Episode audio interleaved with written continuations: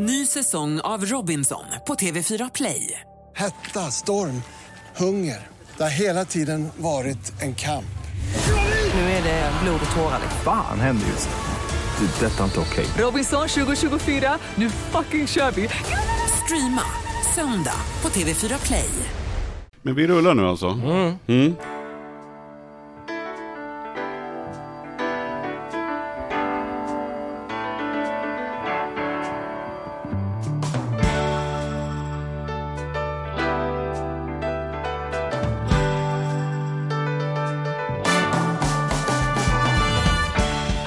Hej och välkommen till Ekonomin på riktigt med Charlie och Mattias. Tack så mycket. Varsågod, hur känns det? Du, det är bra. Härligt. Jag är taggad på, på eh, dagens samtal. Mm. Tror att det kommer bli... Eh, mm, huvudena kommer rulla. Ja, alltså det här är ju superintressant. Det är ju eh, just nu väldigt aktuellt. Men det känns som att det här ämnet också alltid har varit aktuellt. Tyvärr är det väl så att det har varit aktuellt så länge så att jag och många i svenska folket med mig har väl nästan slutat orka lyssna på hur staten och kapitalet sitter i samma båt och eh, hur det är småspararna som får betala i slutändan. Och så vet man inte vad som är arga saker och vad som är standard och vad som är någon som är misskött sig och vad som är strukturellt. Men det där ska vi försöka reda i lite grann. Precis. Bank. Vi ska börja med att tacka Compriser som är vår eh, sponsor. programmet. Tack Compriser. Mm. En jämförelsesajt på nätet där man kan jämföra både försäkringar och banker och alla möjliga saker. Och få hjälp att byta på plats Ja, och men sådana precis. saker där. Så är det. Mm, soft. Och det, vi har ju en liten bonusgrej på slutet idag med Kristina från Compriser. Just det. Men eh, du Charlie, ska du få den här då och eh, Jag ska eh, välkomna våran eminenta gäst. Ja, idag har vi ingen annan än Mr Bankbluffen himself, Joel Dahlberg.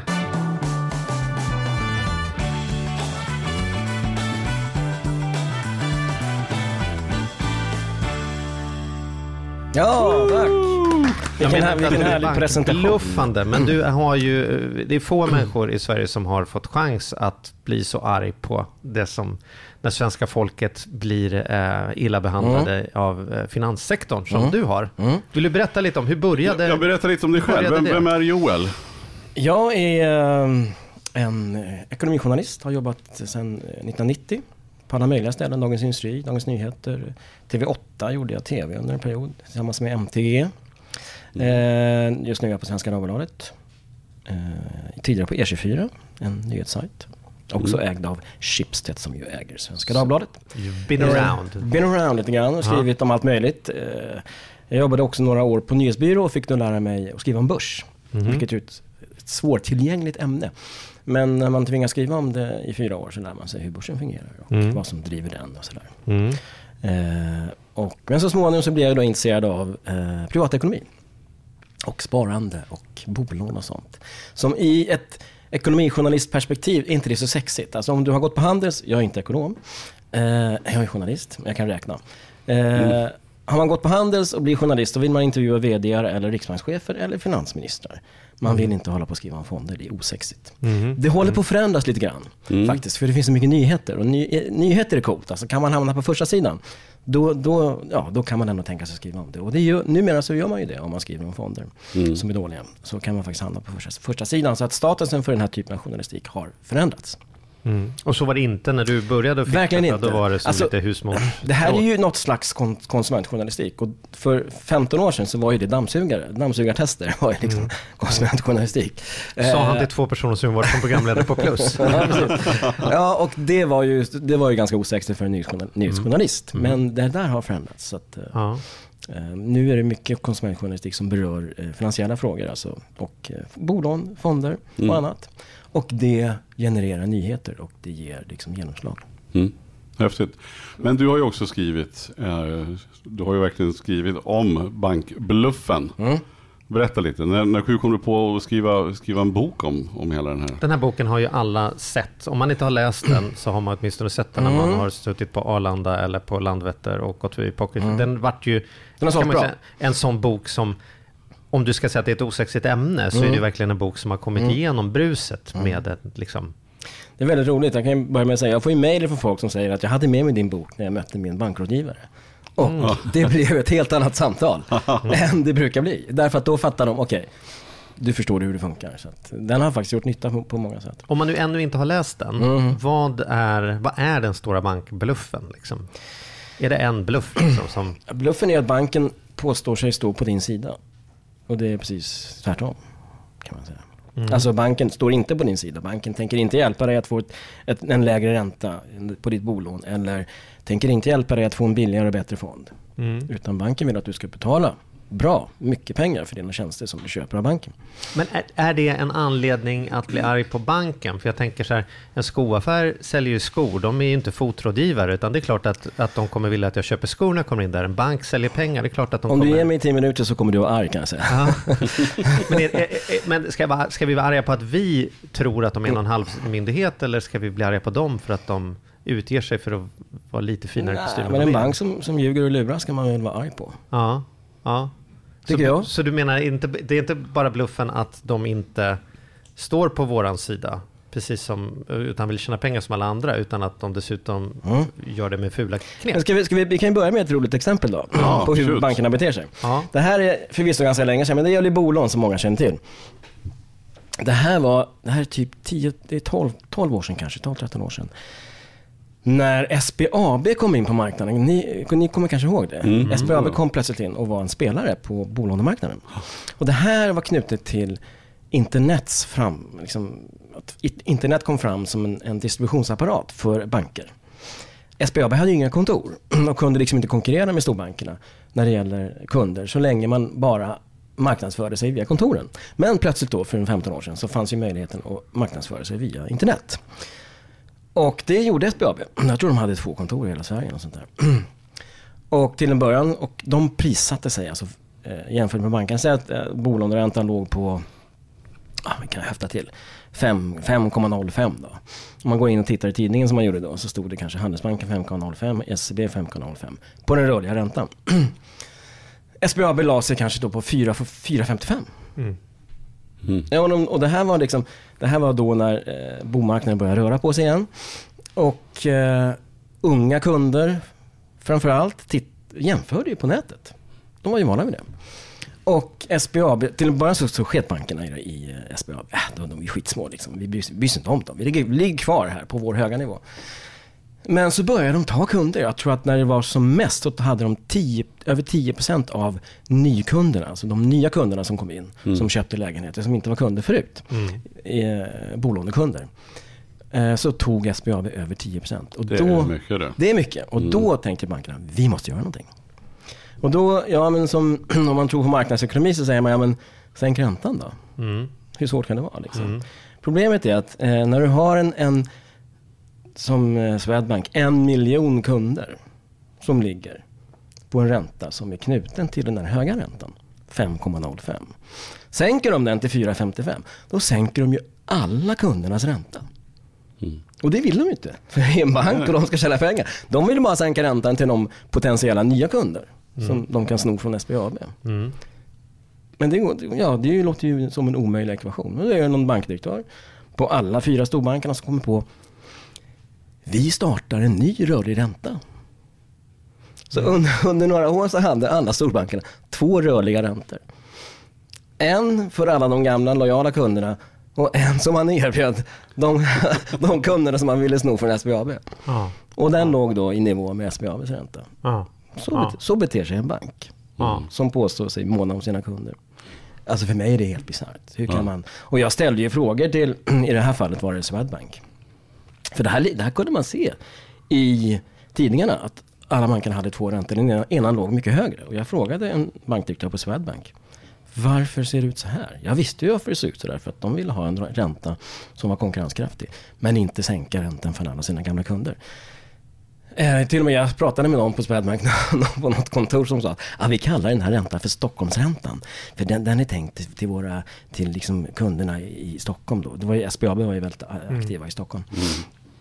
Och då frågade jag den här bankdirektören, "Va- varför är den ena räntan mycket högre än den andra? Än den andra? Och han sa, men det är marknadsräntorna. En ren lögn. Mm. För att skillnaden i löp, man pratar ju löptider då va. Eh, och det kanske gjorde, säg att det gjorde liksom 0,01 procent. Mm. Och det handlar om 0,5 procent i skillnad. Så det var en ren lögn. För att liksom inte vill, in, han vill inte säga vi lurar våra kunder. Det vill han ju inte säga. Så han ljög. Och det här på, påpekade vi. Men eh, det drabbade inte honom på något sätt vad jag vet. Utan han hade kvar sitt jobb. Men var det här någonstans beter som du började, var det här någonstans som du väcktes i dig? Någonting, alltså, När blev som, du arg? När var det Ja, som men- att nej, ja, nu får man det fan chockad. vara nog här. När kände du nu måste det bli en bok? Ja, men det här var en sak. Det andra var fondsparande som jag tänkte, vad, vad fan är det som händer? För då, eh, då hade jag ju följt några av de här riktigt stora fonderna som man sparar i. Som då eh, tidigare kallades som allemansfonder. Några heter fortfarande det. Och jag hade då följt hur de här fonderna hade utvecklats eh, under ett antal år. Och det är ju så, om du sparar, nu vet ju alla vad en, en eh, indexfond är för något. Det är en billig fond som följer index. Liksom. Mm. Då var det ett ganska okänt begrepp. Det här är över tio år sedan. Och eh, då förvånades jag över att framförallt Swedbanks stora, det är lustigt, två gånger Swedbank här och nu vet vi vad som har hänt med Swedbank. Ja. Eh, Swedbanks stora allemansfond som tog in alltså flera hundra miljoner i avgifter varje år lyckades aldrig slå sitt index. Det är ju liksom målet för en aktiv förvaltad fond, som i det här fallet Swedbanks allemansfond, med alltså, jag tror upp mot, upp mot en miljon kunder. Mm. Det var, de var ju först, va? Så att, hur mycket kunder som helst. Deras mål är att stå index. I det här fallet var det ett blandindex mellan, äh, lite, det, var en, det var en global fond till, till typ eh, 25% tror jag och så var det Sverigefond till 75%. Idén en liten är- blandning liksom. Idén är alltså, med anlitar en trädgårdsmästare så ska rimligtvis trädgården må bättre Ja. än om man bara låter den växa vilt. Ja, eller om du har en, en, eh, en bat- batterigräsklippare som, som, som går runt och klipper liksom. Ja, Ja, tanken är att, det. att Mm. om du betalar en förvaltare.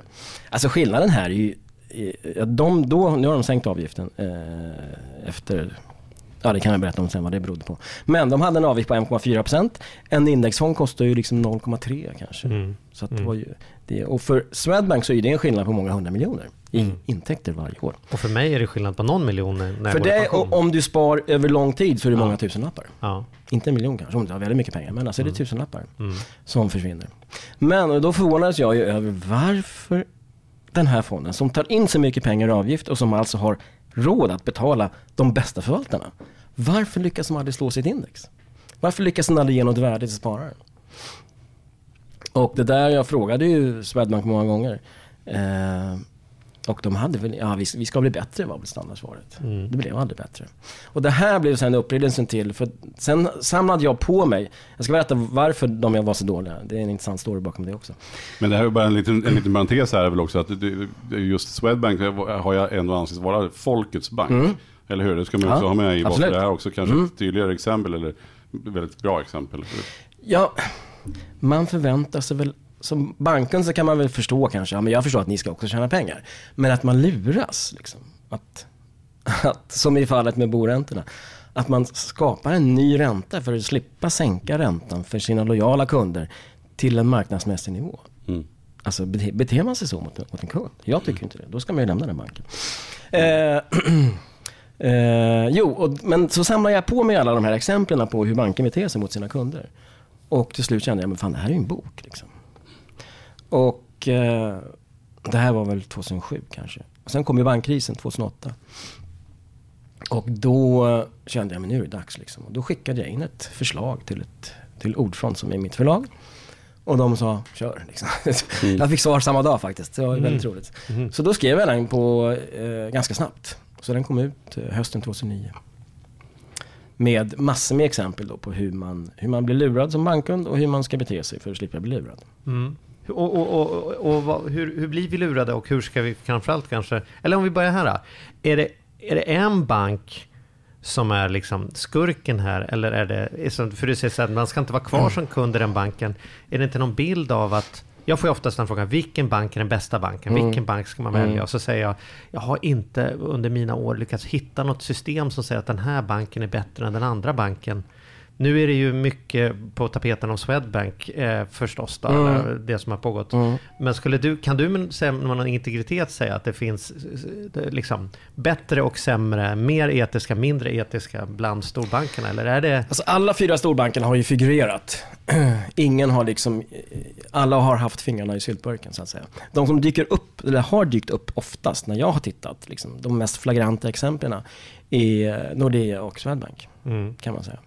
Och du tycker att det gör lite extra ont att det är Swedbank eftersom man utger sig för att vara en folkets bank på ett sånt sätt? Eller? Jag blir förvånad för de har ju någon slags eh, folkrörelseanknytning och Ja, eh, ja. jag tror också att många kunder i Swedbank förväntar sig bättre. Mm. De tycker, men så här, det här är ändå Swedbank, det är ju inte, det är inte liksom affärsbank som Wallenbergbanken, SEB, utan det här är liksom folkrörelsebank. Och det är liksom det är folk, det. folkdjupet och det är liksom, det är folkrörelser och det är idrottsföreningar och så vidare. Så att man förväntar sig nog en högre moral. Men, men, när- men när, man är, när folk säger så här, nej nu får jag tröttna jag på den här banken, nu går jag till en annan bank. Då är det ju inte så självklart vilket är den där andra banken man ska gå till. För att då är det de nästa gång som har Mm. blivit påhittade med syltbunkarna och så flyttar vi runt. Det är, det är svårt. Man, ett, ett råd man kan ge är väl att vända sig till en mindre bank för att den behöver ju slå sig in på marknaden. Och måste väl då rimligtvis ha lite bättre villkor än en stor bank som redan är etablerad. Så att, eh, det, det, det, men man måste ändå ha koll alltså. Man måste, man måste ha koll. Men jag tänker så här också så. bara då, en, en, en, eh, jag menar, det här, du kom ut med boken 2009, nu har det gått liksom tio, Tio år, år. snart i alla fall. Mm. Eh, Har det blivit någon skillnad? Alltså har det blivit bättre? Men nu sitter vi precis inför en jätte som har varit en skandal med Swedbank. Men ha, har det, eh, skulle boken funka om man släppte den nu? Om du förstår vad jag menar. På Alltså, bolånesidan är det lika illa. ja. Det, de hittar på nya sätt. Bankerna är ju fantastiskt uppfinningsrika när det gäller att hitta sätt att lura sina kunder. Eh, Fan, man du, blir- du gillar inte banker alltså. Alltså, man, jag, jag, alltså jag måste ju ha en bank och jag har fått, ibland fått fantastisk hjälp av min bank när jag har ringt. Så att det, är, det, är inte så att, att jag tycker illa om banker. Eh, jag tycker illa om de som, de som bestämmer att man ska bete sig så här mot sina kunder. Men jag har, haft, jag har varit jättetacksam eh, mot enskilda banktjänstemän som har hjälpt mig med ett problem som jag har. Så att bilden är ju dubbel där. Men du menar ändå att det är, det är fortfarande samma, du sa på bolånesidan är det fortfarande likadant. Har, Ja. har det blivit bättre på, på någon annan Lite. som- Fonderna har blivit något bättre? Ja, men de har haft så väldigt mycket eh, fokus på sig. Ja. Och sen har väl också fonden utsatts för konkurrens på ett annat Ja. sätt än bolånen har gjort. Sen är det just Vi det här med index, eller har ju vi blivit väldigt stort. När jag började Ja. skriva om indexfonder så tror jag att typ 2% av kapit- allt kapital som svenska fondsparare hade i aktiefonder låg i indexfonder. 2%. Idag är det 15 tror jag. Mm. Så att Vilket det är är mycket lite. tuffare nu för de här eh, stora bankfonderna som tar bra betalt att fortsätta göra det. Mm. För att folk är mycket mer medvetna om indexfonderna. Men tror vi att vi får samma utveckling på bolånesidan? För att vi har ju precis nu har vi haft väldigt många nya alternativ till bolån som kommer. Liksom. Så det är ju en SBAB-våg igen kan man säga. Med tidningarna är fulla med reklam för alternativa banker och du Men- kan låna men ta- i mobilen och det är allt. Ta det här liksom. Nu, nu har jag fått... Eh, plötsligt är det så att bankerna måste tjäna mer pengar. Det var när Riksbanken sänkte räntan till minus. Är det så att bankerna kan ju inte ha minusränta på sina, in, på sina inlåningskonton som det heter. Det vill säga våra lönekonton. För då tar man ut pengarna. Måste, Ska jag betala för att ha pengar på banken? Nej, det tänker jag inte göra. Så då tar jag Ja, det ut går dem. inte. Nej, Nej. så att de kan inte ha minusränta. Och det betyder att när Riksbankens ränta går under minus så, kost, så kostar det pengar för bankerna. och de kan inte kompensera sig då genom att ha minusränta. Och då känner de, eh, ja men då måste vi tjäna pengar någon annanstans. Eh, Jaha, och då blir det bolånen. Vilket ju är jävligt märkligt därför att bolånen är en helt annan affär. Så den borde ju funka separat. Men så är det inte i bankvärlden. Utan nu eh, kan vi inte tjäna, nu förlorar vi pengar här, då måste vi tjäna mera pengar någon annanstans och då blir det bolånen. Nu är det så, har jag fått höra, att när, eh, när folk går i pension så sjunker ju inkomsten. Mm. Ju. Så säg att du har eh, ett par i Stockholm som har ett lån på 4 miljoner på sin lägenhet. Helt, allt är rörligt. och sen så går de i pension, inkomsten sjunker. Och så hör banken av sig och säger eh, nu höjer vi er rörliga ränta. Och då säger de varför, varför då liksom? Och då är det så att när inkomsten sjunker så blir det svårare att byta bank. Mm. För att banken har ju då massa regelverk att ta hänsyn till när de ska ta in en ny kund. Och har du ett lån på 4 miljoner. Däremot kan man inte säga upp ett lån. Banken kan inte säga upp ett lån för att din inkomst sjunker. eh, då måste det vara, liksom, då måste det vara riktigt illa så att säga. De, de, ja, så det. länge man Så, betalar sina räntor och sin Just amortering det, så så, behåller man ju lånet. ja. Men det är mycket svårare att byta bank. Och vad gör, vad gör då den här banken som kanske har haft den här kunden i 30 år? Jo men då passar man på att höja räntan därför att man vet att den kunden har svårt att byta bank. Men, Så, om- så, så jag- beter man sig. alltså. Nu gissar man jag- har Det man har men är det så? Alltså, det, Absolut. har du, det har du bevis för? Ja? Ja. jag har hört från flera håll. Alltså det är tänker jag så här Joel, att hade vi haft någon från en bank här bara för att vi... Ja, du, du säger att det är fruktansvärt, men jag är inte förvånad. Det, det, det, det är så här man ska förvänta sig. Det är så man blir en bra bankkund. När du vet att ja, men det är det här jag kan förvänta mig. Då blir det, är ju en bra samma, det är lite samma sak som det här när du har, när du, om du går och förhandlar räntan hos banken.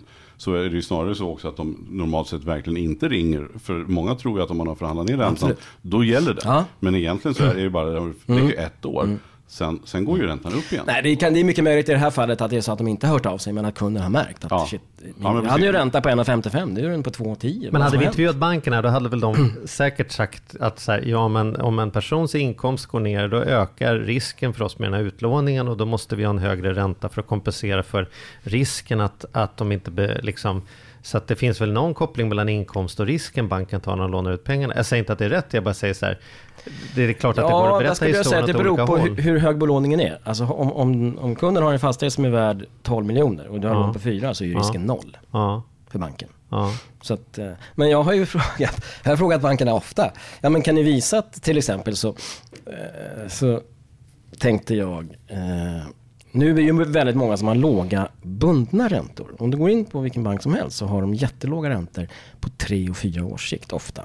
För att de vill er- erbjuda kunder och, och, och eh, binda. För att de tycker, ja men nu, nu är det lite läge, folk är lite oroliga för ränteutvecklingen. Ja men då, då, då har, då erbjuder vi liksom låga bundna räntor.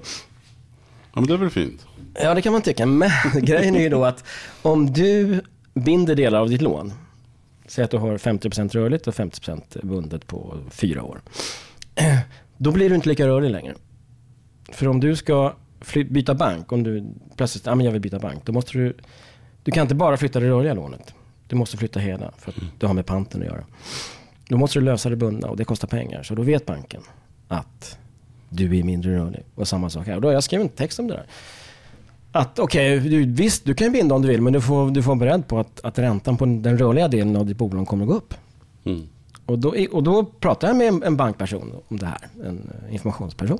Och sa, har ni någon kommentar? Liksom? Vet ni att, ni att det inte är så här? Det vill säga, jag, det, min fråga var, är det så att, att kunder som har både bundet och rörligt har hög, i snitt en högre rörlig ränta än en kund som bara har rörligt? Och det sa de, nej så är det inte. Och då frågade jag, hur vet du det? Nej men någon sån policy har inte vi. Ja men kan du inte fram statistik som visar att det du säger är sant? Nej, det kan jag inte göra.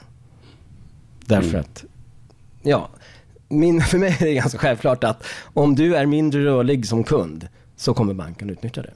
På bolånesidan, då åker din ränta upp. Det ska du räkna med liksom. Så att det, det du kan vinna då på att binda ditt bolån, då får du ta in i kalkylen att din rörliga ränta kommer att vara högre än den annars är. Just det. Eller kräva av banken att jag ska ha min rörliga ränta ska också ner eller ligga på en nivå. Ja, fast de kommer ju aldrig säga att vi lovar att alltid ha en ränta Nej, som är... Utan de, man kan lova för ett år då kanske. En Sen annan, sitter du där och inte är så rörlig. Mm. en annan intressant bolånehistoria är det här var 2015 tror jag. Ska vi fortsätta prata bolån? Kör! Ja, ja, kör. Jag märker att du går igång här. Så det är vi, fan. Ja, men det är så- det vi ska också tillägga här att Swedbank och Nordea och de andra storbankerna är inte här Nej. och kan försvara sig. Nej. Eh, och vi har inte... Fast det har de fått göra i, i, när jag har skrivit artiklar. Ja, jag menar det. ja. Ja, det är bra. Jo, det här var 2015 tror jag. När, eh, det var precis när räntan började gå ner då. Så att de började bli pressade. De behövde kompensera sig på något sätt. För att eh, de kunde inte ha minusränta på sina lön, lönekonton. Och eh, nu blir det lite komplicerat. jag ska förklara så att jag tror ni hänger med. Och det är så att eh, Nord, eh, Nordea, Handelsbanken och eh, Swedbank hade en annan prismodell än SEB.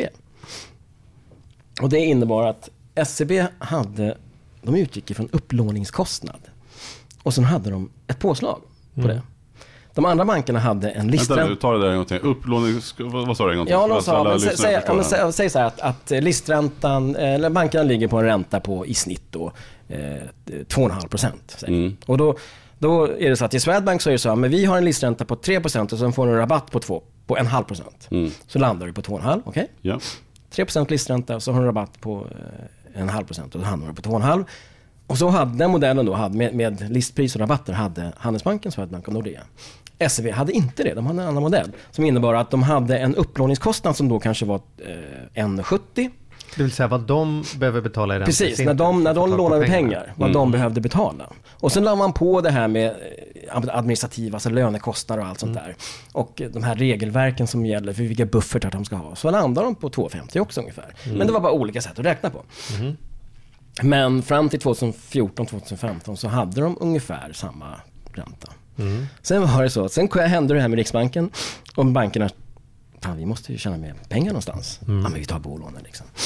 Det, det får kunderna stå ut med. Och då var det så att eh, då kunde liksom eh, då kunde Handelsbanken, Nordea och Swedbank höja listpriset bara. Fastän inte räntan hade stigit. Mm. Och på så sätt så fick de ju upp kundernas. För, eh, om, om du har, säg att du har Handelsbanken så är deras listpris är på 3% och du har en halv procent rabatt. Så har du 2,50. Sen höjer bank, bank, Handelsbanken plötsligt rä- räntan, listpriset med 0,2 procentenheter till 3,20. Mm. Och då har du plötsligt en ränta på 2,7. Mm. SEB kunde inte göra det, för de hade ju upplåningskostnaden. Mm. Så att någon gång in på 2015 så låg SEB så ex, alltså väldigt mycket lägre än alla de andra bankerna. Mm. För att de hade en annan modell.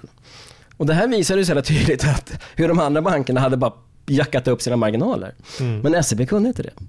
För att de, hade, de utgick från upplåning- upplåningskostnaden. Låt mig gissa att de bytte modell. SEB bytte modell. Precis, det var det som hände. För de kände, vad fan, vi, vi är ju losers liksom. Mm. De andra bankerna skär ju eh, guld med täljkniv här på bolånen. Och vi kan inte hålla på så här. Så, Men du, då tänker jag så här. Nu, alltså, så går det till. Om vi flyttar upp detta I en nivå, bankvärlden, om vi ja. pratar om, om bankvärlden. Min son går ju inte och lägger sig klockan åtta på kvällen därför att han tänker att det är bra att gå och lägga sig åtta om man är tio år gammal. Utan det är ju därför att jag ser ju till att han får skit om han inte gör det. Mm. Och jag tänker att vi kanske, och då menar jag inte att bara för att han är barn, utan vi människor har ju en tendens att göra det vi kommer undan Mm. med att göra. Bo, har vi inte kontrollsystem i det här landet, om det nu är alla banker som håller på med fingrarna i syltburken, finns det ingen syltburksmyndighet som ser till att, att eh, hålla detta på en lagom och vettig nivå? Det är Ja, det så finns ett demokratiskt ja. samhälle ska Det finns två myndigheter framförallt. Det är Finansinspektionen Mm. och Konkurrensverket. När det gäller bolån ska jag säga att det är framförallt Konkurrensverket som ska se till att, att, banker, att eh, konkurrensen fungerar på bolånemarknaden. Funkar de här kontrollmyndigheterna? Säger du? Alltså jag har pratat många gånger med kon- kon- Konkurrensverket och frågat liksom, vad, vad gör ni på bolånesidan? Ska de få bete sig så här? Problemet är att alla bankerna kan höja sina bolån, bolåneräntor samtidigt utan att, så att säga, det har blivit dyrare för dem att låna. Det vill säga de, de höjer sina marginaler, alla samtidigt. Ut, men då måste, för att, för att Konkurrensverket ska kunna agera då, så måste de ju visa att det finns ett samarbete här. Mm. Och det, eh, det, det är svårt alltså. Utan då, jag tror att Men tror du att det finns ett samarbete? Eh, Alltså, Ja, det finns ju ett, ett, ett gemensamt agerande. Sen, sen om man har kommit överens, det tror jag inte. Det finns nog. Du tror inte att de har någon så här WhatsApp-grupp, Sveriges bank, bank-vd, där de säger Hörru, ska Jag vi tror inte det. här?" Men de märker, de, alla märker väl, shit alltså nu, nu måste vi tjäna pengar någonstans. Och så håller de koll på varann och sen så märker de att det är någon som Någon höjer sina höja, marginaler och och så går man efter på. liksom. Mm. Så följer man med, så ser till att alla... Och i, i SCBs fall Men var det så väl, jävla då är det ju konkurrens kan man säga så här. De- andra sänker, då behöver vi också sänka för att vi ska kunna konkurrera. De andra höjer, ja men då kan vi också ta lite mer. Då är vi väl fortfarande lite på att det är lite så konkurrens fungerar. Ja, men jag, jag, jag fattar inte hur storbankerna plötsligt kan bestämma sig för att nu ska vi tjäna mera pengar på bolån. Och så gör de det. Men det, det är ju som att säga, det här framförde jag till eh, den tidigare Swedbank-vdn. Hon höll inte alls med. Men jag tyckte, men det är som att SAS säger att fan, vi förlorar pengar på, på, på att flyga mellan, mellan Stockholm och eh, eh, vad ska vi ta? Eh, Hongkong. Men det är så hård konkurrens där så att eh, vi kan inte höja priset. Ja, men då höjer vi priset på Stockholm-New York istället. Men det kan de ju inte om det är konkurrens. För att då tappar de ju kunder där. Så att bankerna säger vi höjer, vi höjer marginalerna, vinsterna på bolån nu för nu förlorar vi pengar där. Då funkar ju inte konkurrensen. Då är det ju något fel. Och Men det då här var ju- borde Konkurrensverket agera, Precis det det du beskriver är ju SJ-problematiken. Att liksom SJ kunde hålla Mm. service Ja. i hela landet Mm. därför att man tog igen på X1000 när Ja. man förlorade på, Precis. på, på liksom Bräkne-Hoby-linjen. Och sen så bör, kom det konkurrens på Stockholm och Göteborg så sjönk de priserna. Så det här borde, det borde ju funka. Varför funkar det inte som med bankerna? Varför, eller kommer det funka nu när det dyker upp nischbanker som säger, som säger vi jobbar bara med bolån så vi behöver inte hålla på att kompensera för lönekonton för det är inte det vi gör. Borde inte det komma någon som säger du får 1,50 hos oss för vi lånar ändå upp pengarna gratis och 1,50 är fantastiskt Ofta är det ju så att, att när bankerna gör en sån där grej så är det kanske, jag ska gissa, jag gissar bara, mellan liksom 5 och 15 procent som reagerar. Resten märker inte. Mm. Så att eh, visst, du, om du går till banken och du märker att räntan har gått upp och så säger, de, säger du till banken att jag kan ju få eh, mycket lägre ränta här. Och då säger de okej, då sänker vi den. Men de vinner ju så mycket eftersom de, det är väldigt många kunder som inte reagerar. Mm. Som inte fattar att eh, som inte ens förstår att räntan har gått. När jag skrev, när SCB-exemplet då, så skrev jag ju om det. eh, därför att det var ingen, de informerar inte sina kunder om en sån grej. De, skriver, de skriver bara att nu ändrar vi modell, men de skriver ju inte att det här gör vi för att vi måste, vi, vi, eh, vi måste tjäna mer, mera pengar på ditt bolån. Det är därför vi gör det här. Nej, det- så det- sa de ju inte. nej, det men man- det sa de när jag, när jag, när jag frågade dem så tvingades de till slut säga det. Men eh, det är ingenting man berättar. Men ja, så att även om det till viss del finns konkurrens så är det väldigt många av storbankernas kunder som, som inte är alerta. Och Så det- du säger att, att en del av det här pekandet går tillbaks på oss, att vi är förtrogna. Jag hörde ju någon, vi hade en podd bara för några veckor sedan när vi konstaterade att 60% av alla svenskar har aldrig bytt bank, Mm. utan man är den man är född i. Är, det, är, det, är, vi, är vi en del av problemet här, att det kan syltburka runt sig därför att vi på riktigt inte röstar med fötterna? Eller? Alltså det är klart om, om, om bankkunderna var mer på tårna så skulle, så skulle kanske det tvinga fram en annan attityd. Men alltså herregud, man kan väl inte, det är jobbigt också att hela tiden vara, liksom, ha nageln i ögat på sin bank. Alltså, Ja. var- Varför kan man inte bara utgå från att banken beter sig ganska schysst? Liksom? Vad, vad, är, vad är problemet med det? Alltså, om du som, som eh, företag i vilken annan bransch som helst beter dig på det här sättet så är du ju du är ute skulle jag säga. Mm. Om du som säger eh, leverantör av eh, kylskåp lurar kunderna på det här sättet. Så är du ju ute ur marknaden på, Mm. på ett år. Så är du borta liksom. Mm. Man kan inte bete sig på det här sättet. Men det, så här var det ju för mig. När jag, jag läste, som, så när jag gick ut skolan så läste jag på Fastighetsmäklarhögskolan och blev Mm. fastighetsmäklare. Mm. Det var en helt ny utbildning då. Spännande. Det var bara 60-åriga avdankade bilhandlare och sen så Mm. var det typ jag. Mm. Och jag kom ut och jag var typ 19 bast, precis fyllde 20 liksom. Det, Ja. var, det var verkligen. Och jag borde ju vara chanslös. Chanslös. Man har 25 års erfarenhet och Mm. omkring där och, och pekat. Men jag fick massor med jobb därför att man var trött på att de kändes feta och trötta och intressant. eh, liksom Ja. raljanta och. Och det har ju gjort att den branschen har ju, det fanns förstås alla sorter, men den branschen har ju förändrats. Idag är det många unga och det är Mm. kreativa, så kan man ha åsikter om branschen och så, men det är ju så konkurrens ska Mm. funka. Vad är jag i brand, bankbranschen? Varför dyker det inte upp tio nya banker som är, vi är det nya fräscha alternativet som, som är det, förlåt om jag är marknadsstrålande Ja. här, men är det, Och det har ju också... Det varför har inte du öppnat en bank Joel? Ja. Du vet ju hur man ska göra rätt. Ja men alltså det är ju så höga trösklar. Ja. Alltså det är ju jättetufft att eh, starta en bank från grunden. Alltså vem gör det? Det har väl inte startats en bank i, i Sverige på många, många år. Och det Viss- där, där är en del av problemställningen. Ja, absolut. Ja. Men det borde ändå kunna gå, tycker jag, för Konkurrensverket att vara, att, att vara tuffare i, i granskningen av till exempel bolån. Den här typen av beteende som man har sett är, är, tycker jag är förfärligt. Alltså. Men, men, men, men vad ska vi konsumenter göra då, tänker du? Vad, till, till våra lyssnare nu som Ja. sitter och kanske känner, jag menar, vi har uppmanat tidigare som vi sa i en podd här att, att titta över vilka banker som finns och sådär. Vad, vad, är, vad är ditt råd? Vad, vad skulle du säga till gemene man kring det här? Eftersom du, Ja, men det, det är viktigt. hur ska man undvika att känna Ja. sig lurad då? Hur blir man mindre lurad än andra? Ja, men det är attityden det hänger på. Du ska utgå ifrån att din bank försöker lura dig. Då, då ligger, ligger du ganska rätt i, att, i liksom förmågan och möjligheten att hitta var du blir lurad. Hur då, då till exempel?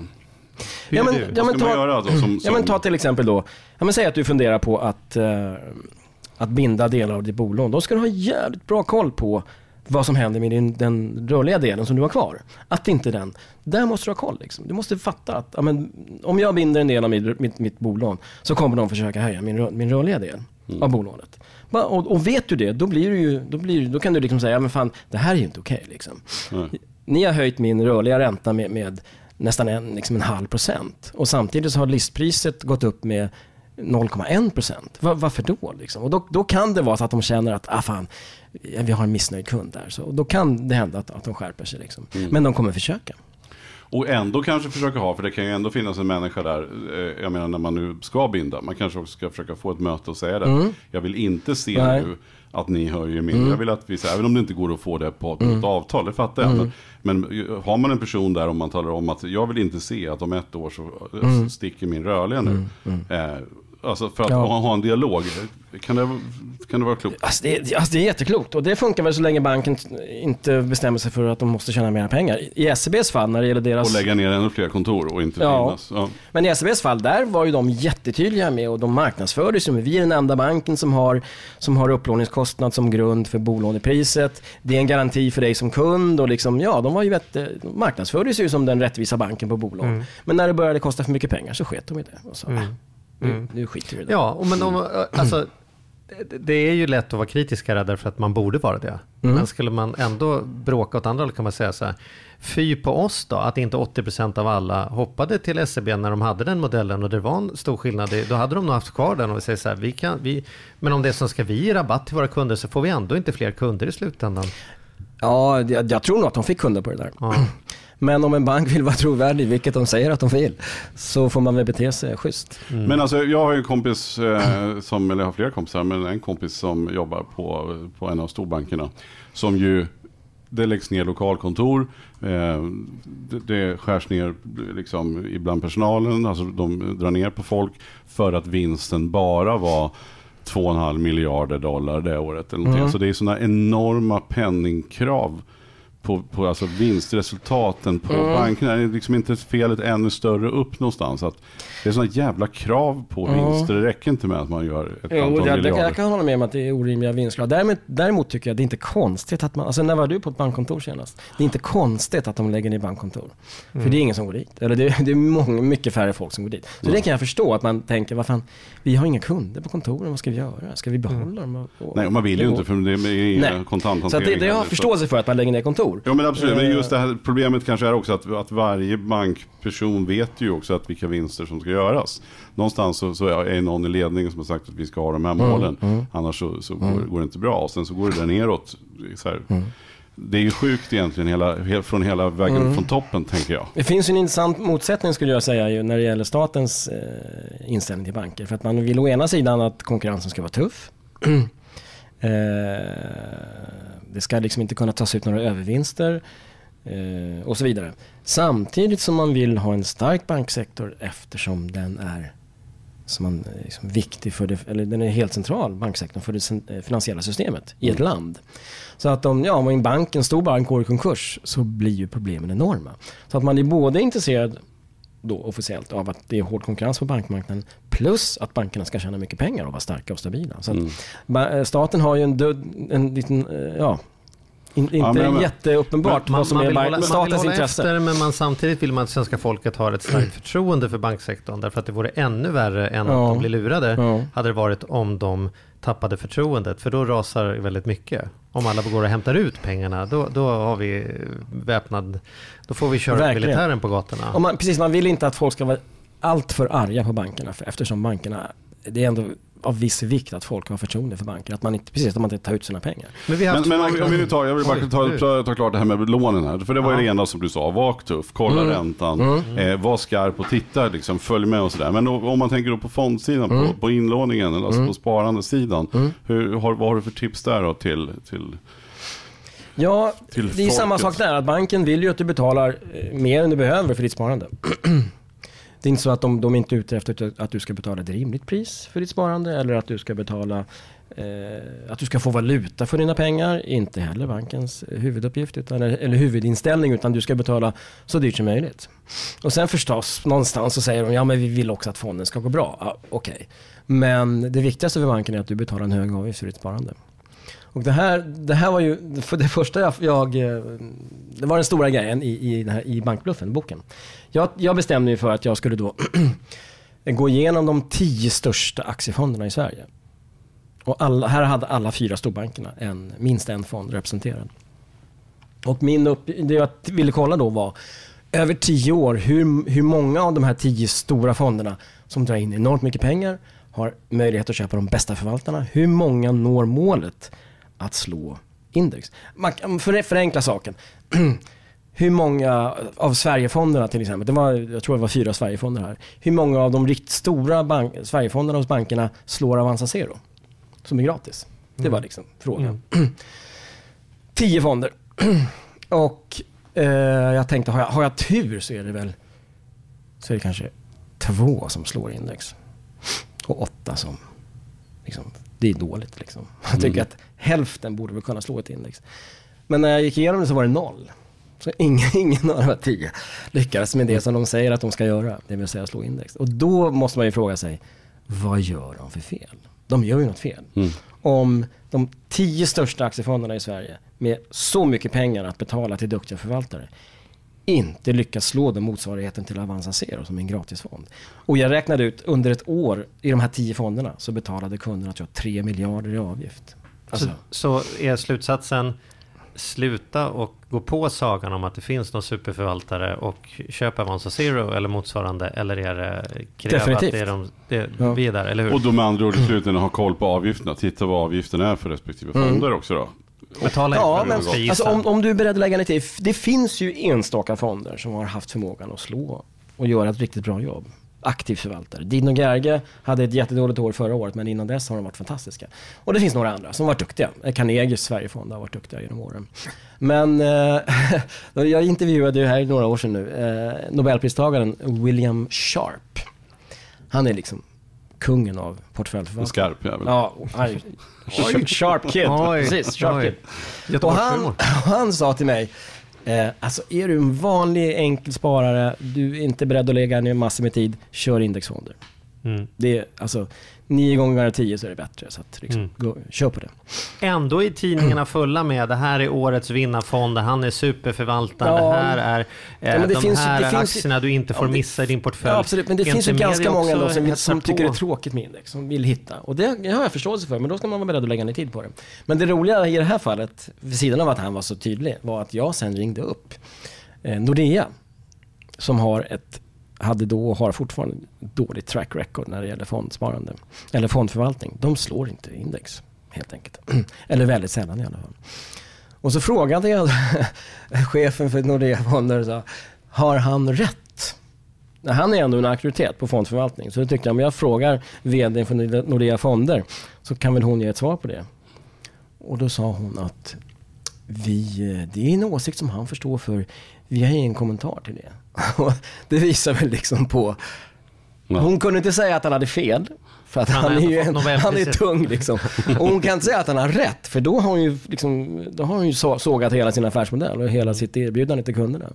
Så att då väljer en bank att säga, det är också typiskt en bank liksom. Mm. Här har ni chans att, kommunicera med era kunder. Men när de märker att, ja, men det, vi kan ju inte säga, då bara säger man, då hittar man på liksom att, nej vi kan inte kommentera.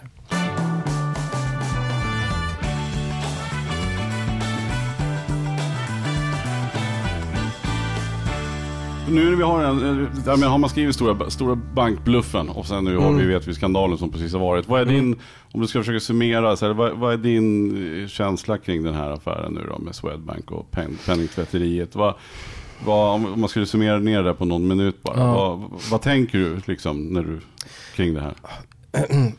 Jag, jag tänker tillbaka på det som hände för några år sedan när jag skrev om, när jag intervjuade eh, Swedbanks fondbolags VD. Och han, han försade sig, helt enkelt. Han sa att vi har tagit betalt för en fond och inte levererat. Vi har tagit, tagit betalt för aktiv förvaltning men kunderna har inte fått aktiv förvaltning. Och, då, då, och det blev ett jävla liv om det där aktiespararna försökte stämma dem. Det gick inte. Vadå? Det gick inte va? Nej, det hamnade hos Arn och Arn sa, eh, äh, vi tänker inte ta upp det här. Så att det rann ut i sanden. Det som hände var att Swedbank tvingades sänka avgifterna på de här stora fonderna. Eh, och det förlorade de en hel del pengar på, så det var ju alltid något. Men det hände ingenting alltså. De hade, det var helt självklart. Vi har blåst våra kunder i 15 år. Vi har tagit betalt för en aktiv förvaltning, men vi har varit en indexfond. Och det handlade alltså om miljarder som de hade blåst sina kunder på. De hade inte gjort jobbet. De hade tagit betalt men inte gjort jobbet. Och, men det hände ingenting. Så, och där, där tror jag du har lite grann nyckeln. Alltså man, man säger bara, men det, det, det stämmer inte. Eh, han sa fel eller han förstod inte frågan eller nej så är det absolut inte, Vi- så ska vi aldrig göra. Och det är kanske också det här att, att man som myndighet vill vara försiktig med hur hårt man går åt en bank. Liksom. Att, ah, det är ändå viktigt att vi har ett förtroende. Och det som hände var att man gjorde om regelverket så att det här inte skulle kunna återupprepas.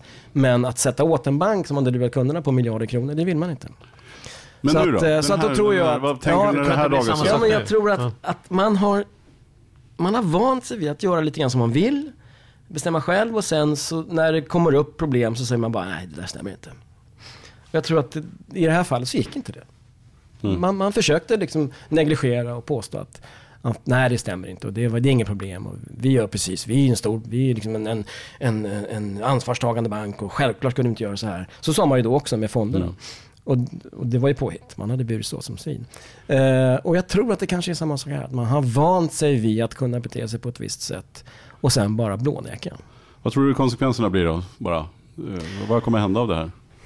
Alltså om man tittar på aktiekursen så har ju Swedbanks aktiekurs, marknadens bedömning då, aktiemarknadens bedömning, har ju fallit mycket mer än vad en rimlig eh, bot kan bli. Jag tror att aktiekursen är väl mer 60, 70, 80 miljarder. Mm. Och, eh, alltså en, en, en eventuell bot ifrån eh, USA kan ju inte landa där liksom. Så att man är ju orolig för att det blir värre än bara en bot. Mm. Och då snackar vi ju liksom, då är ju banken borta liksom. Vad är risken för det? Vet inte. Men mark- marknaden upplever uppenbarligen att det finns en viss risk för att banken försvinner. Men omöjligt att säga. De ligger ju risigt till. Hur kan det drabba de som sitter med pengar på banken då? Ja, alltså Hur kan det drabba, kan det drabba, våra, kan det drabba konsumenterna? absolut.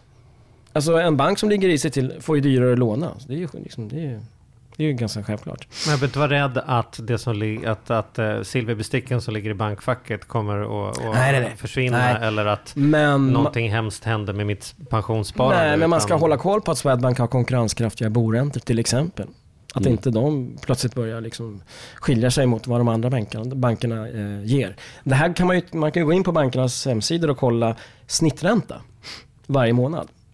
Och om då Swedbanks snittränta börjar sticka iväg, då, då tycker jag då ska man byta bank. Men det Om man då inte sett. har bundit halva sitt lån, för då är det svårt att byta bank. Just det, eller om du Ja. är nybliven pensionär. Så att, eh, ja, jag förstår de som tycker att man ska binda en del av lånet, men då, är, då, då får du faktiskt eh, nog räkna med att du sitter kvar i den bank du har. Mm. Mm. Ja, superintressant. Ja, det här är spännande. Ja, Det här är mycket. spännande. Mm. Och eh, för er som vill så kan man också läsa då din bok. Mm. Stora ba- bankbluffen som Mm. du påstår är lika aktuell idag, tio år senare. Ja, Mm. alltså hur man ska bete sig som kund är uppenbart. Att du ska räkna med att, att uh, ja, den typen av beteende som jag har beskrivit, att det fortsätter. Så att man måste vara verkligen på tårna när det Vi, gäller. vi, vi är tillbaka där, där jag, där jag eh, lite försiktigt gjorde jämförelse med skoaffären. Går man in i en skoaffär måste man ju förstå att den som är där inne försöker sälja skor. Mm. Och vet man om det, Mm. kanske man kan lyssna på förslagen om hur många skor som är lämpligt att ha Mm. och vad hur mycket jag ska lägga på Mm. ett par skor. Så att jag kan fatta ett eget beslut, det är klart. Men om jag tror att jag går till en fotläkare och så visar det sig att det är en skoaffär, då är risken att jag kommer därifrån med för mycket dojor helt enkelt. Ja, eller att du går in eh, och du har köpt par skor och, och eh, mannen i skoaffären säger den är sulad. Så att du behöver inte sula. Så kommer du tillbaka och den är inte sulad. Och säger bank, den är visst sulad. Ja. Nej, den är inte alls. Ja, jag skulle säga att den där är sulad. så var det med fonderna. Ja, men du har fått en aktiv förvaltning. Det har jag ju inte alls det. Jo, det har du visst det. hur- men hur ska jag veta det? Ja, men du har ju betalat för aktiv förvaltning. Då har du fått aktiv förvaltning. Så, så var det i det här Ja, fallet. Ja, det Så, på, så påläst är, är tyvärr svaret igen då? Mm. Att vara aktiv, engagerad, Ja men, påläst. ja, men grundinställningen att jag kan inte lita på Kritisk. att min bank beter sig schysst. Mm. Då har det kommit ganska långt. Ja, ja. Snyggt, det får vara- varit en bra summering och får bli Mm. slutorden för idag. Joel, stort tack för att du kom till oss. Kul att vara här. Tack. Tack. Och nu kör vi Kristina. Ja.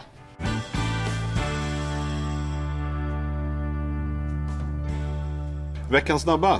Ja, Med Compriser, Ja! med Kristina. Ja! Vad är ämnet? vi ska prata om buffert. Buffert? Behöver man den verkligen? I love buffert. Ja. Gör du det? Ja, Ja. det är fint. Så. ja. Hur, vad tänker du då? Buffert? ja, jag tänker att det är faktiskt otroligt viktigt att ha en buffert. Och jag har en del kompisar som sparar i aktier och sånt, men inte har en buffert. Och jag tycker det absolut viktigaste, har du inget sparande så ska du börja med en buffert. När du har byggt upp en liten buffert, då kan du gå över till annat sparande. Nu vet du vilken fråga som kommer va? Nej. Hur stor buffert då? då? Ja. För nu säger alla experter, ja det kan man inte säga, det Nej. beror på. Men säg något. Nej, och jag ska säga vad Mm. jag tycker, men det beror på vem du är och hur mycket pengar du tjänar och vad du är ute efter. Men jag tycker att en ganska bra liksom, eh, riktlinje är att du ska ha eh, tre månaders utgifter. Mm. Så skit i månadslön och sånt där, utan bor du själv, har 20 000, om du vet att om du skulle bli av med jobbet eller något så klarar du dig på 20 000 i månaden för det, det är dina utgifter och mat och sådär.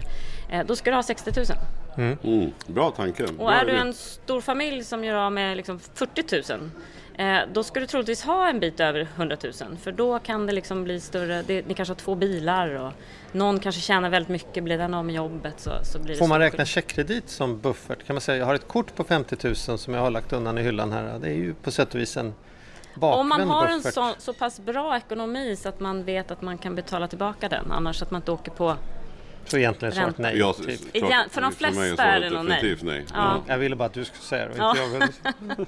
Ja, bra. Vad- Hur ska vi tänka då? Ja, precis. Ehm, ehm, man ska ju sätta, jag tycker har man en buffert eh, idag som är ungefär tre månaders utgifter, då är man, då är man fine. Då ska man Har inte ha mer stående på Nej, något sparkonto. det, det är där, utan- ganska viktigt också. Man får inte ha för mycket. Så att jag tycker man ska sätta upp ett autogiro så att man sparar varje månad till den här bufferten. Men om man då inte har behövt använda den och den börjar bli ganska stor, då ska man börja spara på lång sikt på börsen. För att annars sitter pengarna utan ränta.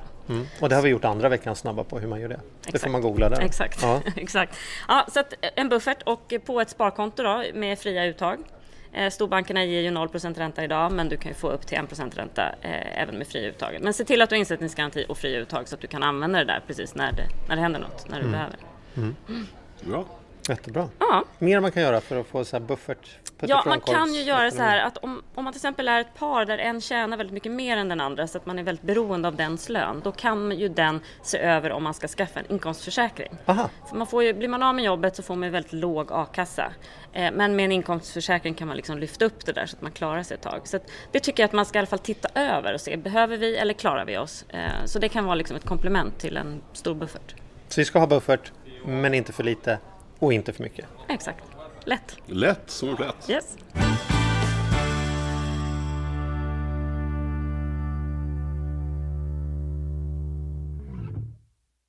Ny säsong av Robinson på TV4 Play. Hetta, storm, hunger.